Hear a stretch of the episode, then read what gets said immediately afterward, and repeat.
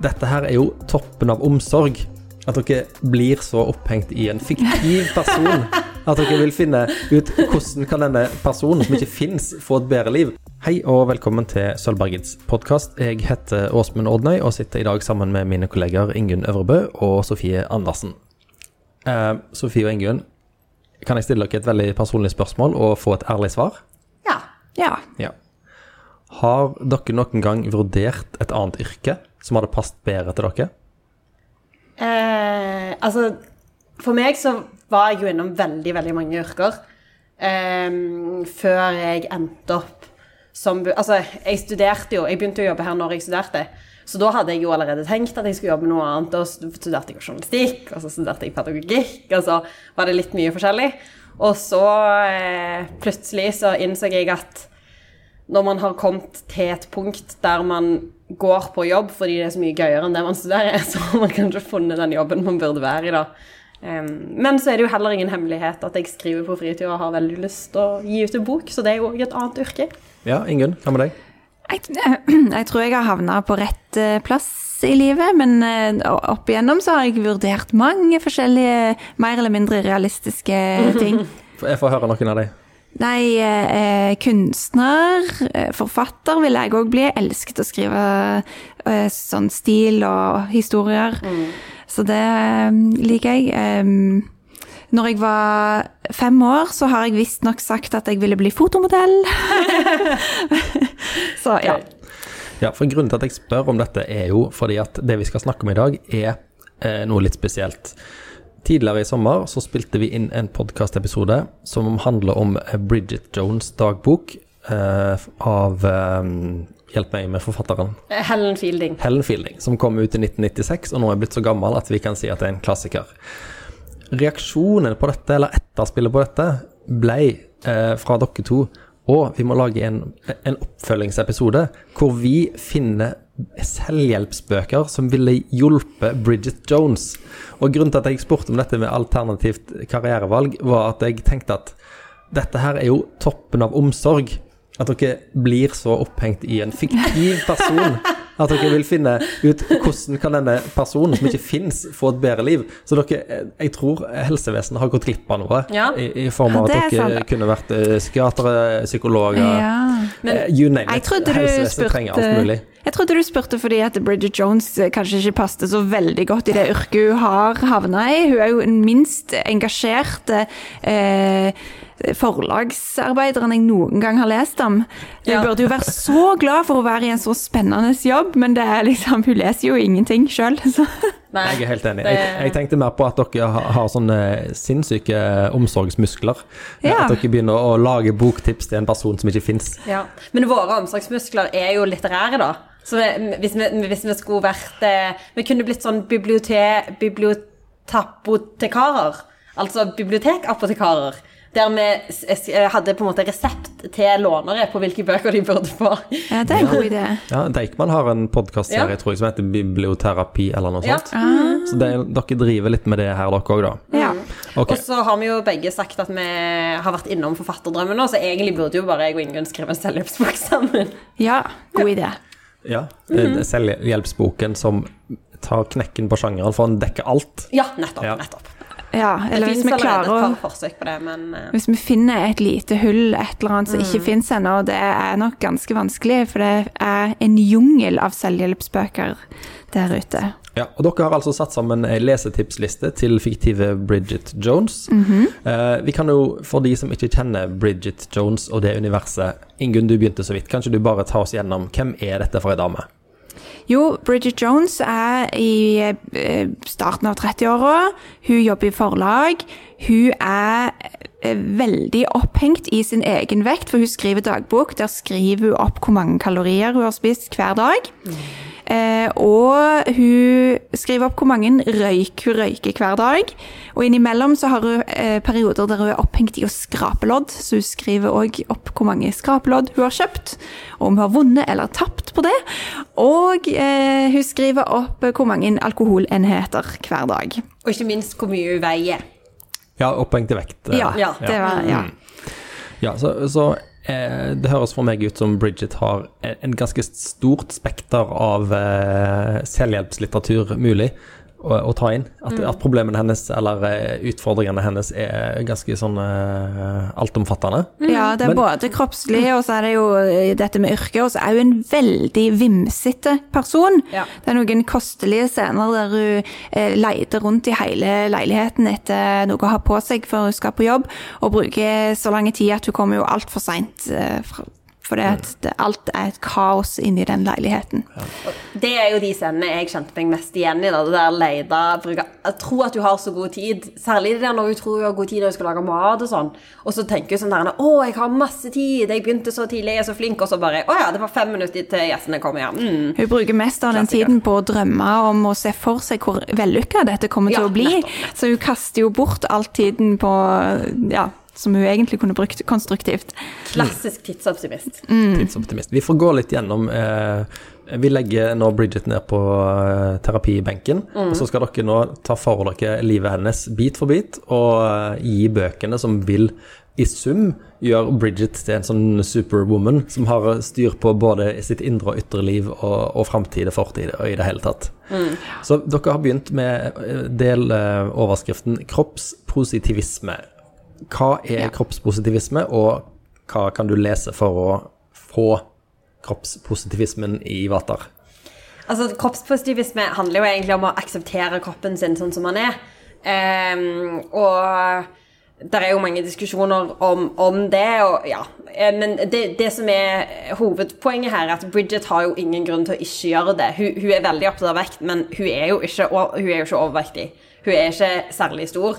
Hun har kanskje bitte litt fett på magen som hun skulle ønske at det ikke var der, men det er også sånn som jeg, jeg har sagt når både Ingunn og andre kollegaer har vært frustrert over at hun klager så mye på vekt når hun, når hun egentlig ikke har så veldig mye ekstra, er jo at eh, denne boka er jo fra 90-tallet, og da var jo det kvinnelige kroppsidealet heroin cheek, liksom. Altså, du hører jo at det er ikke et sunt kroppsideal.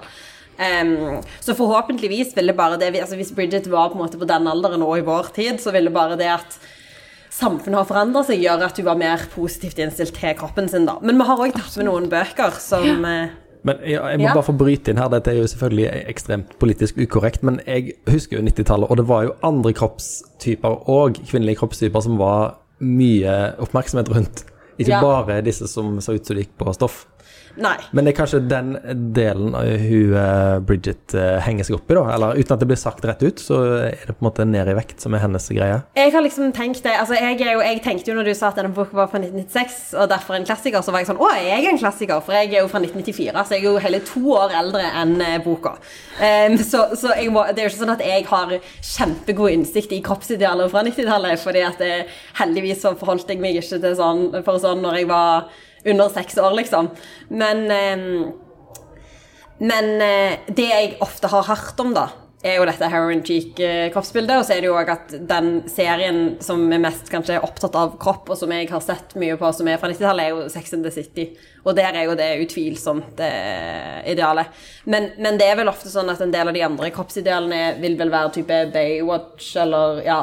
Og det vil jo på en måte kreve kanskje potensielt og kirurgiske inngrep, mens, mens, mens det med å bli tynn, det er jo litt sånn selvdisiplingreie òg, at, at det er liksom lett å tenke at alle kan altså Det er jo ikke sant, men, men at alle liksom kan oppnå det. Det, det, det føler jeg at òg på begynnelsen av 2000-tallet at det var en veldig sånn idé om at, at det å være skikkelig skikkelig tynn, det er et oppnåelig kroppsideal. Du må bare slutte å spise, liksom.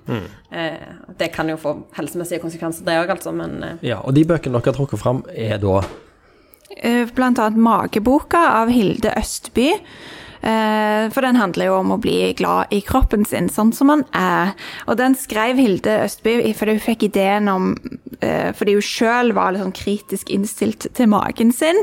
Og så tenkte hun hm, hvor kommer egentlig det ifra at idealet er at du skal ha så liten mage som overhodet mulig? Den skal helst være helt flat.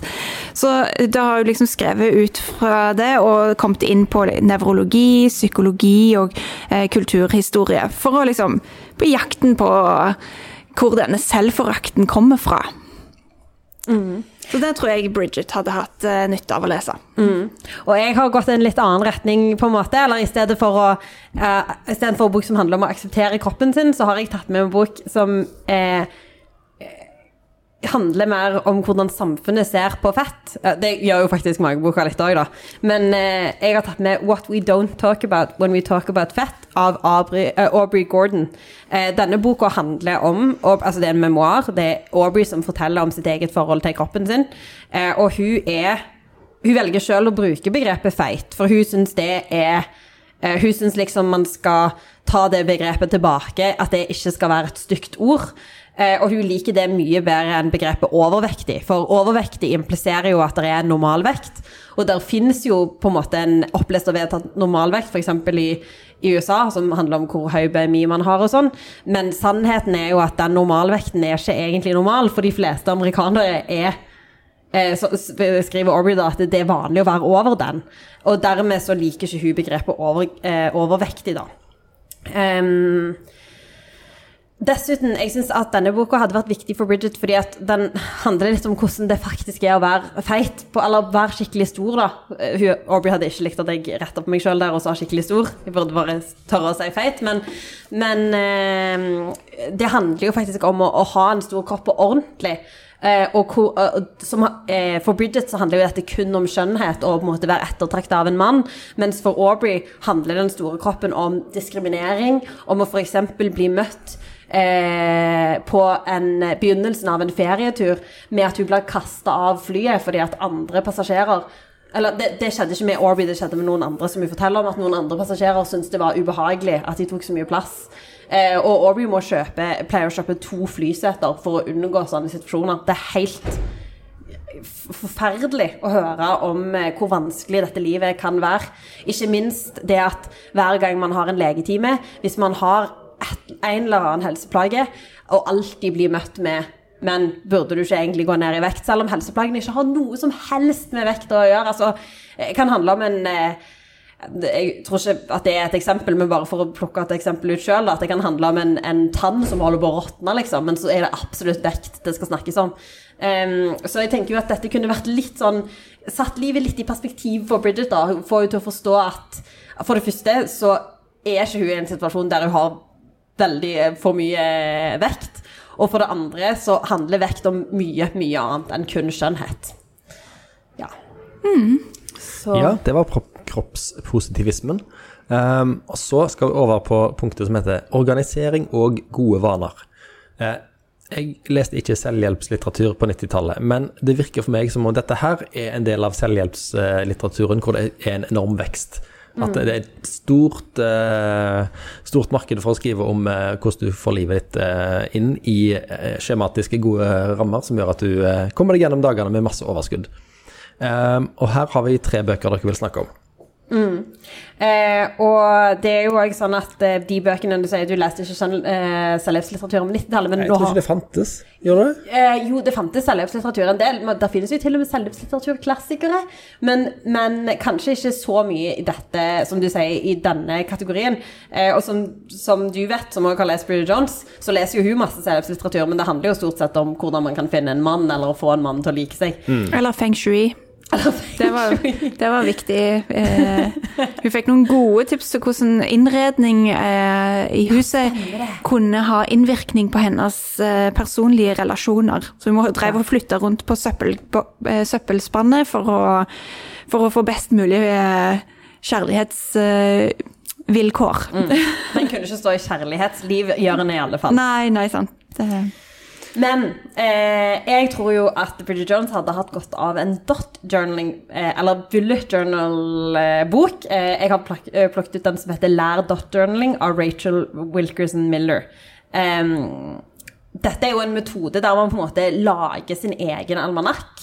Eh, Og det finnes mange forskjellige varianter av. Det er mange som lager veldig kunstneriske, flotte bullet journals som, som de lager kanskje et helt år i, i forkant. Men ideen er jo òg litt at denne boka skal bli til mens eh, mens tida går, sånn at man, man tar med det man har bruk for på det tidspunktet i livet en er. Eh, det som er fint med disse bøkene, er at siden de, de er mm, blanke sider med prikker i, så det gjør jo at det er ikke noe fast format her. Så Bridget kunne òg brukt denne boka til dagbokskriving, for det vet vi jo at hun liker. Um, og eh, men det gode er at her vil du kunne lage sånn månedlige spreads, som det heter da på godt norsk, boka er engelsk. Så, men månedlige oversikter over alle avtalene du har, alle tingene du har lyst til å oppnå, mål og sånn. Så det er òg veldig vanlig å lage sånne vanesporingsoversikter der du skriver forskjellige vaner. Eh, Bridget kunne f.eks. skrevet 'ikke røyke', eller drikke maks én en enhet, eller ingen enheter er det vel nå etter vi fikk denne nye kostholdsrapporten. Men uansett, hun kunne skrevet forskjellige vaner som hun har lyst til å gjennomføre. Og så hver dag når hun har gjort den vanen, så fargelegger hun. Og eh, mitt inntrykk av Bridget er jo at hun, hun er jo eh, hun, hun, kan jo av og til virke litt nevrotisk, og akkurat i dette kan det være litt bra òg. Fordi at det å farge, føle at man må farge alle boksene. At du kan få en litt sånn eh, oh, jeg, må jo, jeg må jo få en røykfri dag, for jeg må jo kunne farge neste boks på den røykfrie. Det opplever i alle fall jeg sjøl når jeg har mine vaner, at hvis jeg ikke har gjort den vanen i dag, og ikke får farga i dag, så er det jo en blank dag, liksom. Eh, så jeg håper at det kunne fungert for Bridget. da. Sånn som det systemet hun på en måte bruker nå, med å bare skrive dagbok og skrive ned alt hun gjør Hun, hun kartlegger jo sine egne vaner, men jeg føler ikke at hun får så veldig god oversikt. Jeg vet ikke. Jeg tror hun hadde Nei, for de går jo litt bedre, og så går de litt dårligere, ja. og så litt bedre. Så du får ikke en veldig god oversikt eh, med den måten du skriver det ned på, i alle fall. Nei. Nei. Det hadde vært bra med en litt mer sånn overordna oversikt. Mm. Absolutt.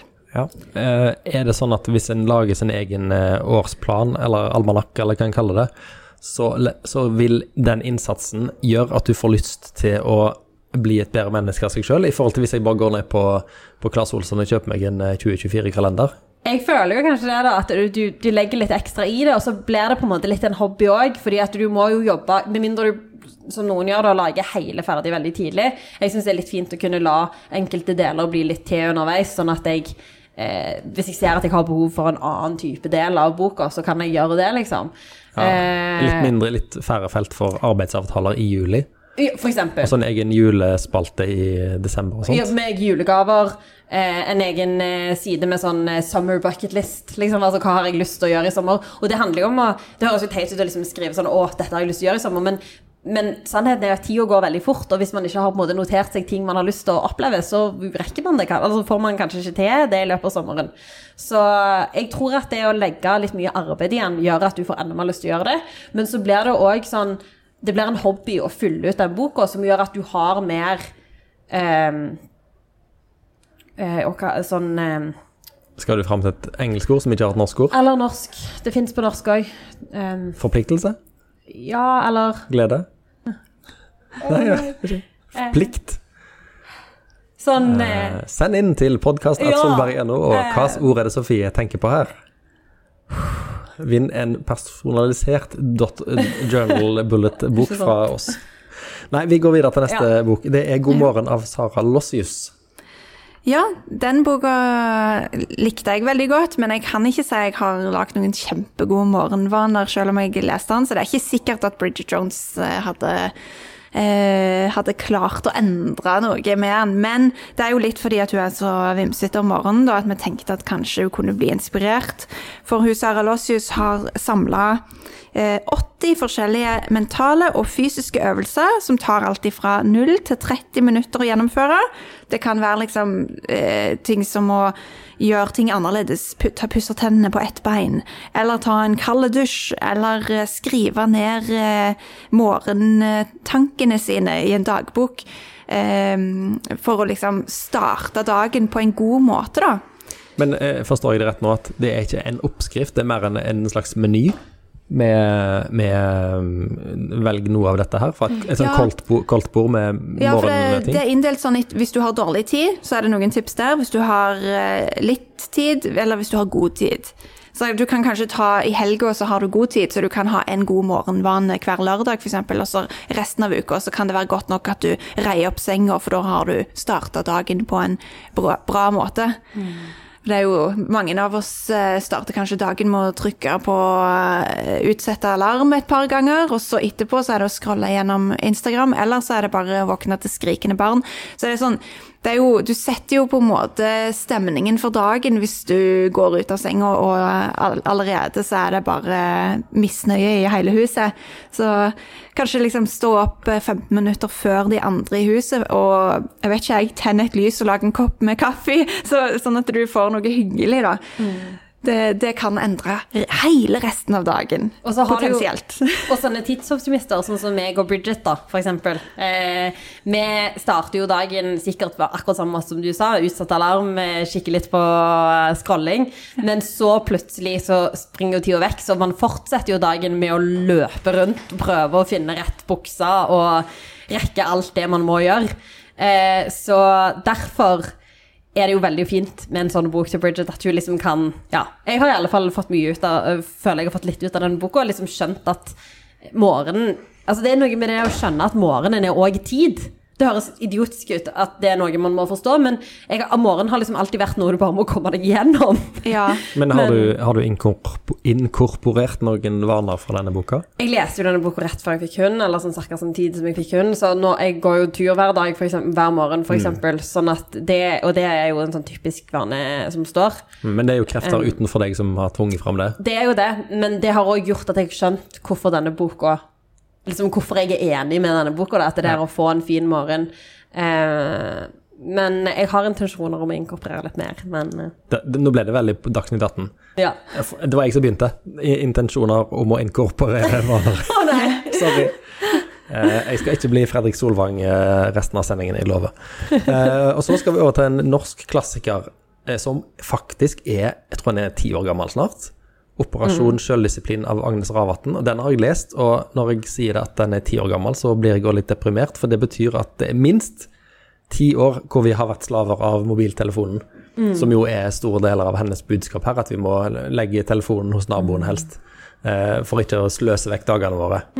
Eh, Er, er dette en bok som eh, står seg like godt i eh, 2023 som den kom ut i 2013-ish? Jeg tror absolutt det. Eh, og en av grunnene til at jeg tenker at denne boka passer godt for Bridget, er jo òg i tillegg til det med telefon Altså, telefonen er jo ikke et problem for hun det ville definitivt vært det hvis uh, boka var fra 20 nå. er, det er jo et problem for henne. Hun, Ja, det er sant. hun driver og ringer hele veien. Dere må lese Bridget Jones' dagbok bare for å uh, gjenoppleve telefonhverdagen à la 1995. Smarttelefonen eh, er ikke et problem for Bridget, for den eksisterer ikke ennå. Men hun hadde jo virkelig Ja, ja, havna i, i eh, telefonhelvete. Hun hadde jo bare stalka Mark Darcy og hele dagen. Men um, um, det jeg tror, da, er at uh, hun, hun har jo litt tro på dette feng shui-greiene. Og det, ja, det er jo interessante greier. Men det jeg tror, er at hun kan eh, At hun kanskje kunne hatt godt av den delen om å legge fram de tingene du vil gjøre, og på en måte gjemme vekk de tingene du ikke vil gjøre. For det skriver jo Ravatn en del om. F.eks. at du skal eh, legge fjernkontrollen veldig lite, til, lite tilgjengelig, sånn at du ikke bare med en gang kommer hjem og slår på TV-en. ikke sant? Du skal helst eh, låse den inn i et skap eller et eller annet smart. Eh, og det er en del eh, sånne eh, eh, steg da, som Bridget kunne tatt for å få litt mer kontroll. Kanskje låst vekk eh, telefonen sin, eksempel. Ja, jeg, jeg er glad for at hun ikke har smarttelefon, for Ja. det ville, det ville, hun ville gått helt til grunne, tror jeg. Ja. Enda mer enn hun egentlig gjør. Hun hadde ikke fått skrevet dagbok engang. Nei. Hun hadde kanskje blitt en blogger. Kanskje. Hun Ja, kunne så, blitt en bra blogger. eh, Ja, det kunne jo blitt underholdende eh, hvis hun bare utleverte seg på samme måte som i dagboka. Så. Ja. Jeg har lagt til en til bok på den eh, vaner og organisering, og det er 'Magisk opprydding' av Marie Kondo. Ja. Bare fordi at eh, i stedet for feng shui, eh, så tror jeg at rett og slett en opprydning hadde hjulpet henne om morgenen eh, for å komme seg på jobb i tidsnok. Hadde- at magisk opprydning om morgenen Nei, ja, eh, hvis du, ifølge Marie Kondo så trenger du bare rydde én gang for alle, så er det ryddig for alltid. Så, men bare, men i, det er jo i den situasjonen om morgenen det er mest kaotisk eh, når hun skal finne fram det hun trenger. Så hvis hun hadde hatt en grundig opprydning, så hadde hun hatt et godt system. Nettopp. Absolutt. Og, men jeg har lest eller hørt rykter om at eh, Marie Kondo har på en måte feiga litt ut nå etter at hun fikk barn. Hun har vel to unger, tror jeg. At nå, nå innrømmer kanskje at det er kanskje ikke så lett å ha det superryddig hvis du har små unger. Så det er jo godt å høre, da. At, Ja. at sjøl guruene eh, lever under de samme lovene som resten av oss. Ja, det er At så sant. Det er, det er skikkelig digg. Ok, og så skal vi over på eh, karriere. Eh, Bridget er jo da, som Ingunn sier, ansatt i et forlag i det Bridget Jones' dagbok begynner, og er den minst engasjerte forlagspersonen. Jeg er helt enig med deg, jeg har lest om noen gang. Eh, og når folk på fest begynner å snakke om litteratur, så syns hun det er helt idiotisk. Ja. Hun er iallfall ikke interessert i det. Hun leser jo, hun leser jo noe selvløpslitteratur, men uh, til og med det sliter hun jo med å, med å komme seg gjennom. Ja, hun hun er jo stort sett bare opptatt av alt utenom jobb. Men, men derfor har dere funnet fram noen bøker som ville fått Bridget eh, framover på jobb, og det er Altså, jeg har funnet to bøker eh, som kunne vært aktuelle for dette. Det ene er eh, 'Karriereboken' av Vigdis Lamberg. Og det andre er 'Karriereboka' av Amund Fjelstad. Eh, veldig like titler her, altså. Det jeg tror Bridget hadde trengt, er jo egentlig å begynne med denne karriereboka som Amund Fjelstad har skrevet. Jeg må bare påpeke at den boka står at den er for eh, folk i alderen 20 til 34. Eh, og så står det ganske mye sånn Kanskje har du hatt en deltidsjobb tidligere, eller en fritidsaktivitet der du har skjønt litt om hva du liker. Og det ble jo jeg litt irritert over, fordi at de aller fleste Eller jeg er i alderen 20-34, og både jeg og de fleste vennene mine har jo hatt mer enn en deltidsjobb. De har hatt en full voksenjobb, liksom. Det er voksne mennesker. Og det, Bridget er jo òg i den kategorien, og har jo òg hatt en, en voksenjobb, holdt jeg på å si.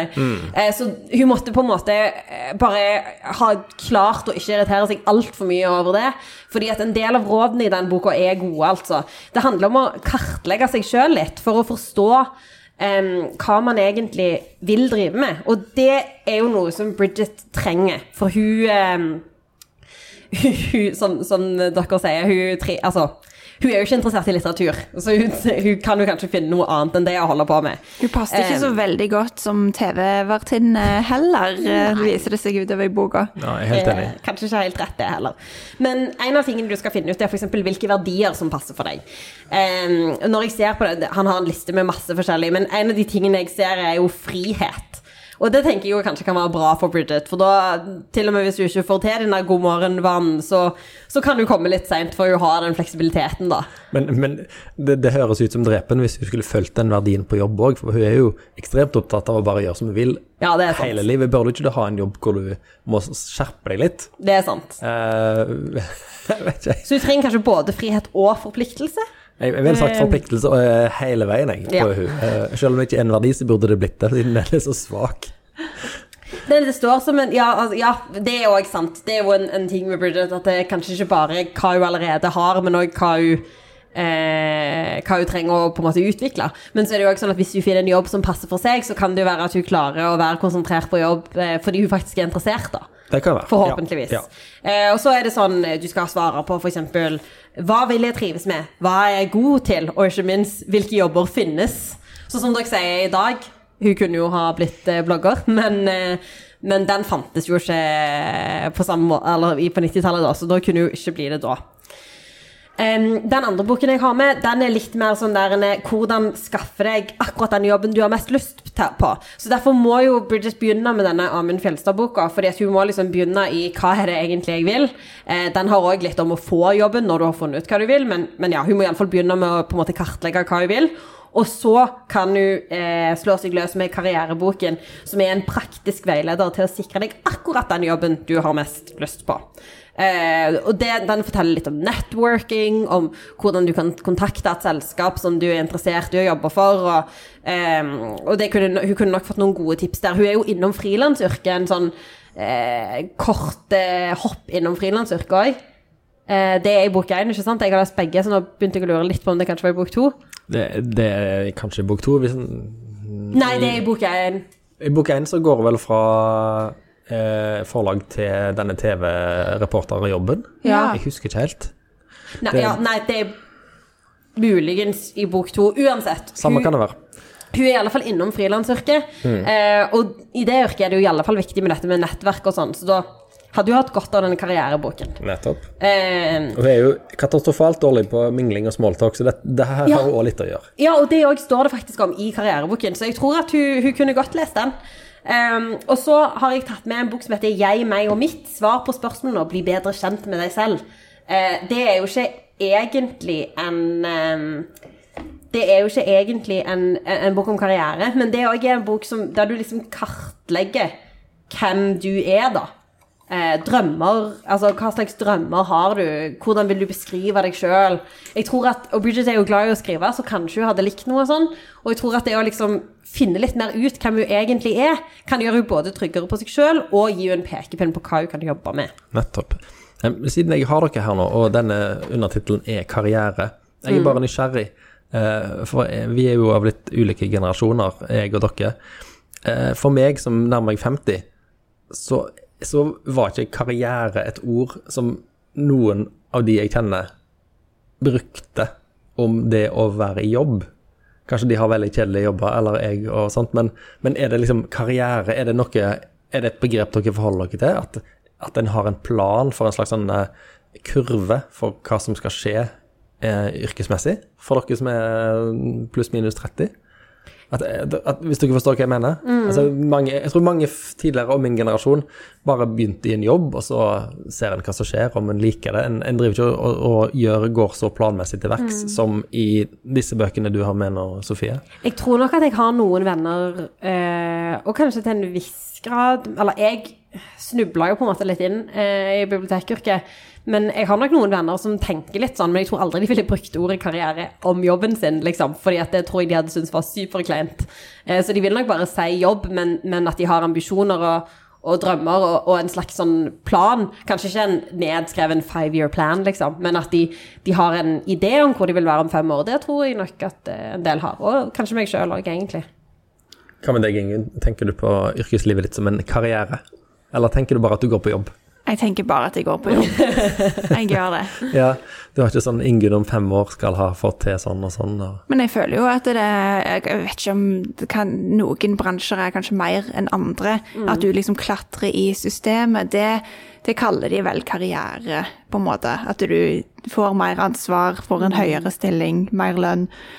Men eh, ja, folk kjen- tenker vel forskjellig om det. At noen er fornøyd med å gå på samme jobb eh, eh, dag inn og dag ut. Så Er, det, et- er det et aspekt som er med i disse bøkene, Sofie? At eh, det, det, det synet på jobb at ja, jeg er fornøyd bare jeg gjør noe kjekt, jeg. Jeg har ingen større plan. Um, I de bøkene som jeg snakket om nå Ja. eh, Tja um, Må du ha eh, et større rammeverk for lønnsytelsen du holder på med? Det er sikkert litt med Jeg, jeg tror ikke jeg har lest de på en måte med de brillene. Um, men det handler jo i alle fall den der med altså i alle fall, Nå har jeg jo kun i den karriereboka, da, den som handler litt om å finne ut hva man vil, så har jeg kun lest nettopp det kapittelet. For jeg leste det litt i forbindelse med dette, og at jeg ville finne ut hva som var aktuelt for Bridget. da. Um, og, og der handler det om å finne noe som man trives med. Men hva man trives med, kan jo være Det må jo ikke være noe som klassisk ser på som en karriere.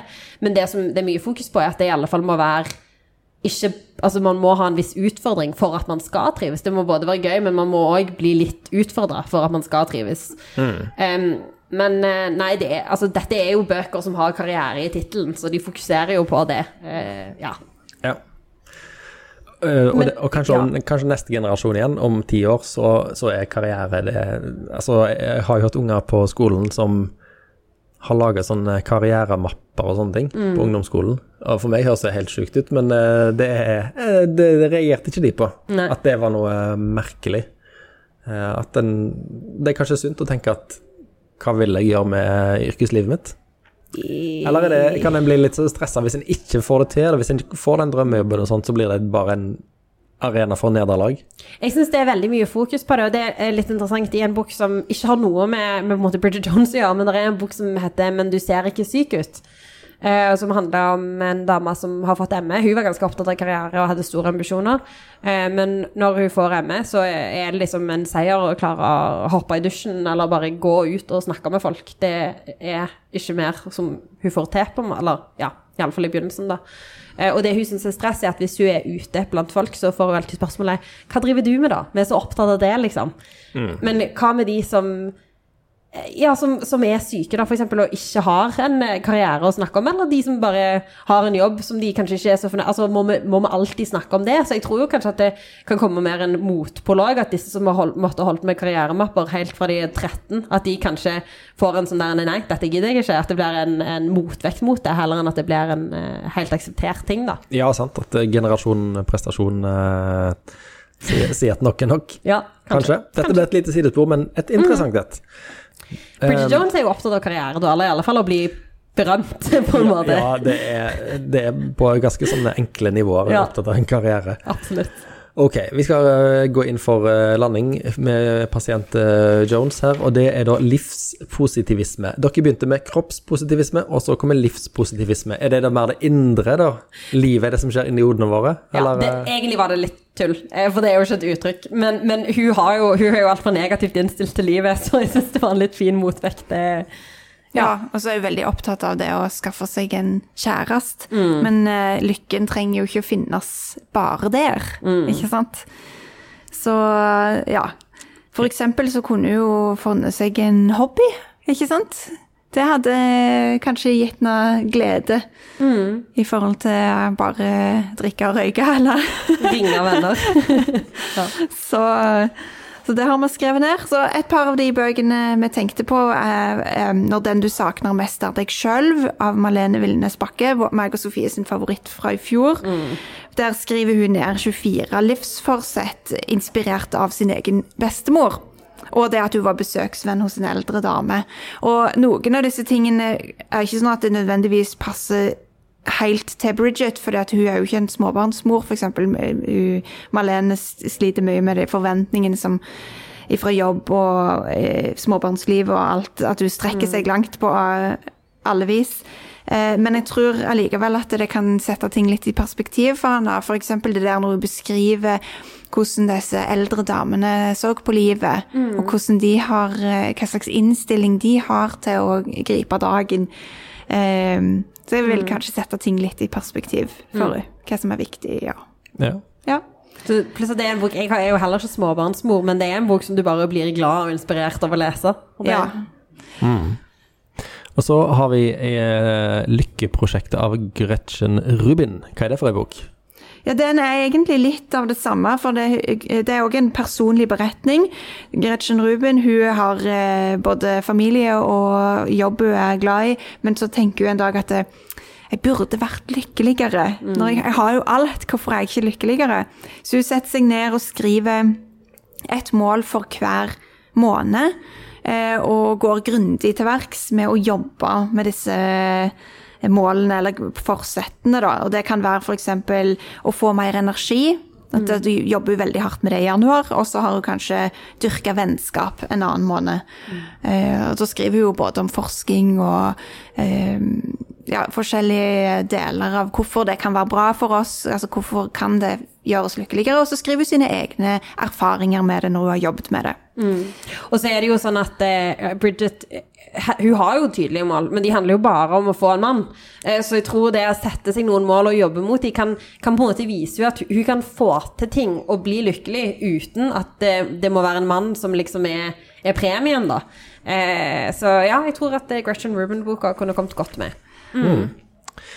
Da har vi vært gjennom en del bøker som Bridget Jones ville hatt godt av å lese, men spørsmålet mitt blir jo da eh, Hvis en får eh, glatta ut alle sånne eh, eh, sprekker i folks personlighet, så blir vel kanskje folk mindre interessante òg. Hadde vi orka å lese en bok om Bridget Jones som hadde livet sitt på stell? Eller det, det er jo liksom litteraturens eh, grunnpremiss at det må være en konflikt, eller det må være noe som er feil, eller noe som er ubalanse, for at vi skal følge den kampen for å få ting i balanse. Så eh, Det hadde kanskje ikke blitt en kjempespennende og morsom bok, sånn som det er nå. Det hadde ikke blitt det samme i det hele tatt. Men, men vi, vi, får jo bare lyst til å hjelpe stakkars eh, Bridget. Hun, hun, trenger jo disse bøkene, det er jo helt tydelig. Vår indre, vår, meg og Ingunn sin indre coach begynner bare sånn Vi må hjelpe henne! Hun Ja. trenger hjelp! Ja. Er, er dere sånn i, eh, i IRL, som det heter? Altså Hvis dere treffer på venner som eh, sliter med et eller annet i livet sitt, så, så begynner den der selvhjelpsbokhjelperen på skuldrene bare Å, hvilken bok er? Gretchen uh, Rubin? Nei, eh, Ja, nei den svarte boken. Nei, lært at God morgen. Du trenger operasjon selvdisiplin! Altså, er dere, er, dere, er dere raske med å tilby hjelp til deres stakkars venner som sliter med livet? Jeg hadde aldri sagt det. Jeg hadde aldri liksom Med med mindre de spurte, da, selvfølgelig. Ja. Eh, men eh, jeg har en tendens til å tenke veldig i Altså, assosiasjonene mine er ofte litterære, så det, det trenger ikke være en selvhjelpsbok engang. Det kan til og med være at noen forteller om en situasjon, og så er jeg sånn Å, det minner om den situasjonen i den boka. Men det er jo ikke alltid jeg sier det, ikke sant? Så, så det kan nok skje, ja, at jeg begynner å tenke på en bok som muligens kunne passa Jeg anbefaler bøker i alle sammenhenger. Altså det er liksom, når de snakker om ungene sine, så anbefaler jeg bøker om de temaene de snakker om. Når de eh, snakker om seg sjøl, så anbefaler jeg ja, det kan være selvhjelpsbøker, eller opprydningsbøker, eller interiør, eller hva som helst, eller skjønnlitteratur. Jeg klarer ikke å skru av bibliotekaren noen gang, så det, det Hvis de treffer meg, så må de regne med å høre litt om litteratur. Ja. Sånn er det bare. Ja, inkludert eh, selvhjelpslitteratur. Ja, absolutt. Ja. Fordi ofte så er jeg jo veldig engasjert av de bøkene sjøl, så de er lette å snakke varmt om videre. Ja. Hvilken bok er det du oftest eh, anbefaler, tror du, av selvhjelpslitteratur selvhjelpslitteratur til vennene dine? Eh, Det må være den når, den når den du savner mest av deg sjøl, var Malene Villnes Bakke. Den har jeg eh, solgt inn til ganske mange av vennene mine, altså. Ja, har, de, har de forandra seg etter at de leste den? Jeg tror ingen av de har lest den, faktisk. Altså, det, jeg, jeg pleier også å rakke ned på meg sjøl fordi jeg leser for få bøker, men jeg, sammenligna med den jevne befolkning, så leser jeg nok ganske mange bøker. Eh, så det er ikke, selv om jeg snakker, om en bok, snakker varmt om en bok, så er det ikke sikkert at de plukker den opp og leser den for det, dessverre. Ja, men da, da kan ikke problemet deres være så stort heller, hvis de e- egentlig ikke har lyst på hjelp. Nei, nei, det er jo mest sånn klaging over hverdagen eh, det går i, er det ikke det, da? Og så er det jo sånn at hvis Bridget hadde kommet til oss på biblioteket, så er jo for, for hun er jo liksom en drømmer som ofte ser for seg f.eks. at nå skal hun lage mat for første gang i sitt liv, og hun er sikkert den neste Michelin-kokken. ikke sant? Så det første bud til Bridget hadde jo vært å minne henne på at disse bøkene kommer ikke til å forandre livet ditt med mindre du gjør de tingene som står i bøkene. Altså, Ja, Det er jo det som alltid er problemet for Hun må òg. jo òg senke ambisjonene sine Ja. litt, sånn som med den der matlagingen. Altså, hvorfor skulle hun lage en fem treretters uh, topp uh, Michelin-middag? Hun måtte jo lage noe enkelt, siden Mm. hun aldri lager mat. Det, er, det er helt håpløst. Og så trengte hun det må vi si òg til slutt. Hun trenger en eh, økonomibok. Ja. Eksempel Pengesnakk, 'Slik sparer du deg lykkelig' av Lise Wermelin Christoffersen. Eh, den tror jeg hadde kommet godt med for å få styr på eh, pengeforbruket sitt. Mm. Og hva med nå, hvis vi tar det litt et steg lenger, da, noe sånn røykekutt? Ja, jeg var innom det, men jeg, jeg har det ikke, bok om det? det finnes bøker om det. Ja. Vi har til og med, Jeg satt på plass nå nylig en, en bok som eh, irriterte meg litt. For det var liksom eh, Det var ei bok som heter 'Røykeslutt', tror jeg. Og så heter den rosa varianten av boken 'Røykeslutt for kvinner'. Og så var jeg sånn OK, Ja. er, det, er det to forskjellige ting av en eller annen grunn? Og hvorfor heter den for menn bare 'Røykeslutt'? Og i det hele tatt. Men, eh, men ja. Eh, kanskje eh, Kanskje det òg hadde vært bra for henne. Ja. Så, Og så kan vi selvfølgelig eh, toppe hele dritten med, å, med de nye kostholdsrådene fra, Ja. fra Helse-Norge. For dette, da vil du skåre kraftig ned på både alkohol og sigarettforbruket sitt. Og da blir du jo i godt humør av å få bedre helse og få bedre råd. Ikke sant. Ja, så sant. Så hun tror du hadde fulgt de rådene, da. Nei, nei, nei, sorry. Jeg sa mm, det, det mente jeg ikke. Nei, jeg tror ikke jeg hadde fulgt de rådene. Jeg tror hun hadde hatt høye ambisjoner om å følge de rådene. Ja, hun hadde lagt til på den lista over ting hun kartlegger, hvor mye kjøtt du spiser. Ja. Så hadde hun Ja, rakka ned på seg sjøl fordi at 'å nei, nå har jeg gått over kostholdsrådene igjen'. Tegnehanne har jo en bok som heter 'Ambisjoner uten gjennomføringsevne', og jeg føler jo egentlig at den tittelen ramser ganske godt opp situasjonen til Bridget. Eh, bare helt sånn til slutt. Eh, I de der nye kostholdsrådene så står det en del om så og så mye gram av det ene og det andre du kan spise. Mm. driver folk og veier mat? Vi snakket om det her med at det er jo ingen som med, står med vekt når de skal lage mat. Sånn, Nei, Med mindre du baker ei kake, liksom. Selvfølgelig med sånn Å, jeg skal bare spise eh, 57 gram eh, rødt kjøtt denne uka. Så står det liksom og doserer på matvekta di, liksom, til du har 40 gram, eh, grammene på plass, og så Nei, det er så sant. De burde lage en litt mer sånn folkelig versjon, sånn at du kan spise én hamburger, det, men ikke to. Ja. Ja. Jeg, eh, jeg veier maten til hunden min, for han kan ikke si om han er sulten og sånn. Men eh, ikke til meg sjøl, nei. Jeg spiser jo ikke kjøtt heller, da, så jeg slipper jo ganske billig unna. Og- bønder og belger skal du bare spise enda mer Ja. av, så det er Spise fisk òg, liksom, og det skal du òg spise mer av, så perfekt. jeg er Etter at, etter at Bridget har lest alle disse bøkene, så kan du bli invitert på middag til deg, Sofie. Ja, ja. Så eh, for å starte et nytt Og og det bedre hadde liv. vært så gøy å ha Bridget Jones på middagsbesøk. Da skulle vi hadde vært snakket veldig masse om eh, boka, eller om, om livet hennes. Om livet hennes. Både Og om før og hvilke bøker etter hun trenger. våre råd. Ja. Ikke sant, Sofie? Hadde vært gøy. Veldig bra. Da ønsker jeg lykke til videre med mer eh, livscoaching i, i bokform med Ingunn, og kanskje Ja. Sofie òg. Ja. At dere kaster selvhjelpslitteratur etter alle for, for, forsømte Nei, hva heter det? Alle ulykkelige sjeler dere treffer i sommer. Også. Det skal vi gjøre. ja, Det lover jeg. høres bra ut. Takk for at dere kom.